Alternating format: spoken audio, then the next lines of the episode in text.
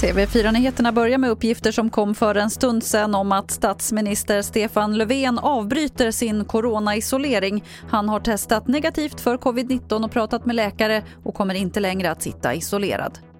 Östergötland är den region i Sverige där flest testar positivt för corona enligt Folkhälsomyndighetens senaste veckorapport. Näst på listan är Kronoberg, sen Stockholm.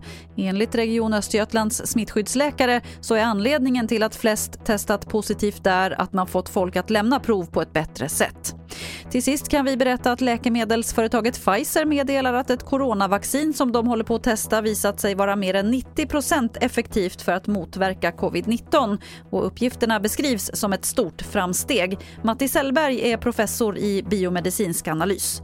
Det låter jättebra tycker jag och det, eh, det här är oerhört lovande för eh, dessutom för de andra vaccinkandidaterna Eh, därför att det har ju ett väldigt gott hopp om att eh, även många av de andra kommer att fungera och det är ju precis vad vi behöver.